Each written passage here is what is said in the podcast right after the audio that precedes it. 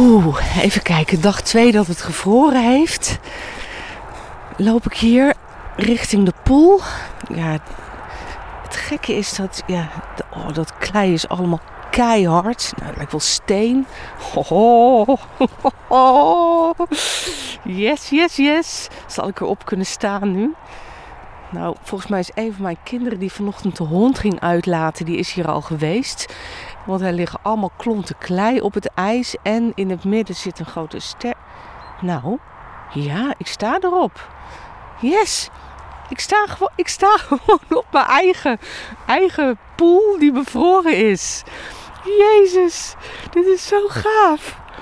Ja, ik durf eerlijk gezegd niet naar het midden te lopen. Even een klein stukje verder.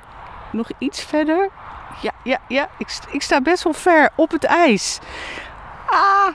Nou, ik heb gewoon bijna zin om mijn schaatsen aan te trekken. En het ziet er ook gewoon cool uit. Die, die rand is natuurlijk nog helemaal niet begroeid, omdat hij net gegraven is. Dus dat is gewoon modder. Ja, klei. En dat zit wel een beetje wit van dat witte rijp op. Maar... En dan ineens zie je zo'n zo'n cirkel van ijs. Wauw. Jeetje. Oh, wauw. De zon is aan het opkomen. Het is nog een beetje donker. En... Uh, Rechts van mij loopt een, uh, een weg en dan zie ik allemaal mensen in hun auto. Die gaan natuurlijk naar hun werk. En ik sta hier. Ik, dat heeft natuurlijk niemand enig idee van dat ik hier sta bij mijn eigen ijsbaan.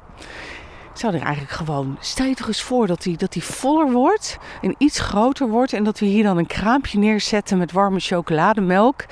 En dat mensen dan nou, misschien een beetje overdreven hier met z'n allen komen schaatsen. Ik denk dat er net twee mensen op kunnen schaatsen. en dat het dan wel weer vol is. Maar gewoon het idee dat je hier bij een soort mini-ijsbaantje een kopje warme chocolademelk kan drinken. En dan toch ook even een rondje kunt schaatsen. Ik word daar heel gelukkig van.